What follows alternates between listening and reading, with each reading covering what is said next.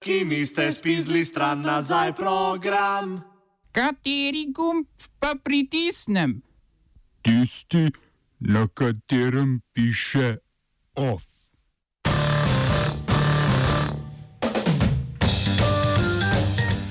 OZN opozarja na hudo lakoto v Zimbabveju. Voditelji glavnih bosanskih strank dosegli dogovor o vladi.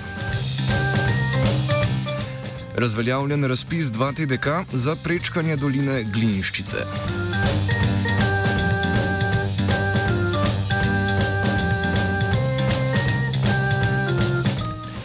Dobr dan. 48 držav Združenih narodov je sprejelo mednarodno konvencijo o reševanju mednarodnih gospodarskih sporov z medijacijo. Do sedaj medijacija ni bila priznana kot legitimna oblika reševanja mednarodnih gospodarskih sporov, zato se je večina tovrstnih sporov reševala z dragimi in dolgotrajnimi sodnimi procesi.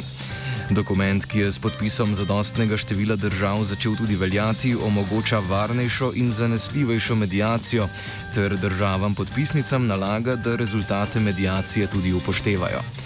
Dogovor sta podpisali tudi vladi ZDA in Kitajske, spori med podjetji teh dveh držav predstavljajo večino obravnavanih zadev v mednarodnem gospodarskem pravu.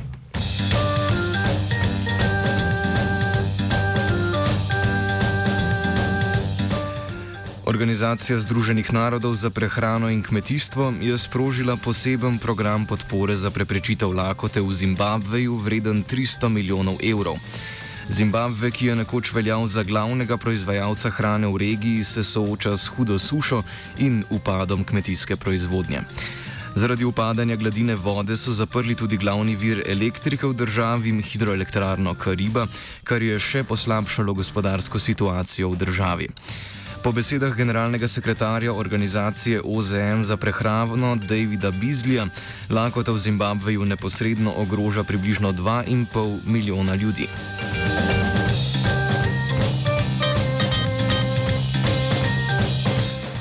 Sodišče v Ankari je zaradi suma ogrožanja državne varnosti prepovedalo 130 spletnih strani in profilov na družbenih omrežjih.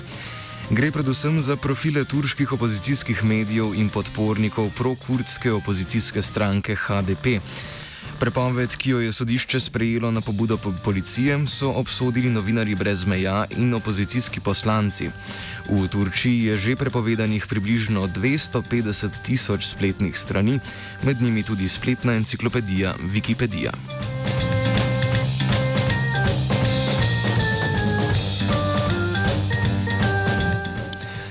Avstrijska svobodnjaška stranka FPÖ je objavila povzetek več kot tisoč stranskega poročila o preteklih povezavah stranke z nacističnimi in antisemitičnimi skupinami. Poročilo je na splošno presenečenje vseh upletenih ugotovilo, da stranka nima in nikoli ni imela resnih povezav z nacističnimi elementi avstrijske družbe. Znanstveniki in raziskovalci, po večini nekdani člani in simpatizeri stranke, so sicer ugotovili, da je bilo med preteklimi člani stranke nenavadno veliko število nekdanjih nacistov, a to za samo stranko in politično usmeritev stranke ni relevantno.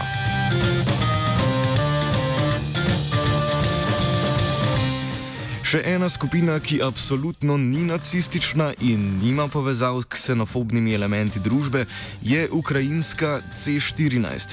Tako ukrajinsko sodišče, ki je presodilo, da mora hromatske TV plačati 122 evrov sodnih stroškov in preklicati prispevek, ki je skupino C14 označil za neonacistično.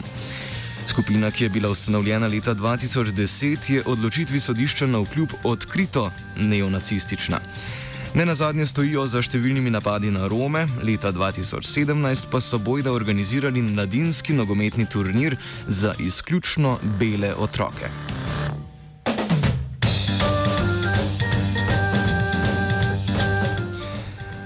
Na Balkan, vodja najmočnejših strank bosanskih Hrvatov HDZ BIH, bosanskih Srbov SNSD in bošnjakov SDA, so se dogovorili o sestavi nove vlade. Odločitev sledi lanskim oktobrskim volitvam, po katerim predstavnikom treh konstitutivnih narodov Bosne in Hercegovine več mesecev ni uspelo doseči dogovora. Vlada naj bi po besedah predstavnikov strank začela delovati v 30 dneh. Glavna težava pri oblikovanju vlade je bilo približevanje NATO, ki mu nasprotuje srpski član tročlanskega predsedstva Milorad Dodik. Dosežen dogovor predvideva nadaljne poglabljanje sodelovanja z NATO, kot kaže pa sta predstavnika HDZ-ja Dragan Čovič in predsednik največje bošnjaške stranke Bakir Izetbegovič glede vprašanja o NATO nekoliko popustila. Dogovor je bil sprejet na posebnem sestanku, ki ga je z namenom rešitve vprašanja oblikovanja vlade sklical predstavnik delegacije EU v Bosni in Hercegovini Lars Gunhar Vigemark.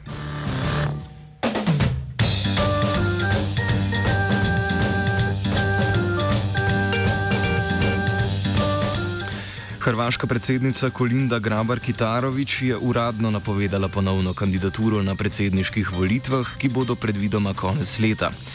Kot je povedal predsednik vlade Andrej Plenković, bo kandidirala kot predstavnica njegove stranke HDZ. Uradno je tako kandidaturo že napovedalo 13 kandidatov, med njimi pa imata po napovedih hrvaških medijev poleg Grabar Kitarovič največ možnosti kandidat največje opozicijske stranke SDP Zoran Milanovič in neodvisni kandidat Miroslav Škoro, pri nas bolj znan kot narodno zabavni pevec. Oba, če bom odgovoril na angliški. Slovenija will try to help. Uh, we can. Slovenija will. Uh, and we will. Do our utmost. To say that the situation is. Our problem ourselves. And uh, we will. Uh, make further steps as soon as the conditions are. Bomo vlado Marjana Cererera Šarca podprli. Very, very serious. News from Slovenia. We know how and we will. Razpis za gradnjo infrastrukture za prečkanje doline Glinščice v sklopu gradnje drugega tira Koper-Divača je bil strani družbe 2TDK razveljavljen. Na razpisu so sicer že izbrali ponudnika, konzorci Marko Mark Nival, Nival Invest in Ekorel, a so sedaj ugotovili, da obstaja utemeljen sum ponarejanja referenc strani podjetij v konzorciju. Ker sta ostali dve ponudbi, kot pravi direktor 2TDK Dušan Zorko, neustrezni, bodo razpis ponovili. Izbrana ponudba je bila sicer z zneskom 8 milijonov, dobrih 5 milijonov cenejša od druge najcenejše prijavljene, ki so jo ponudili kolektor CGP, Riko in Pomgrad. Off je spisal Koruza.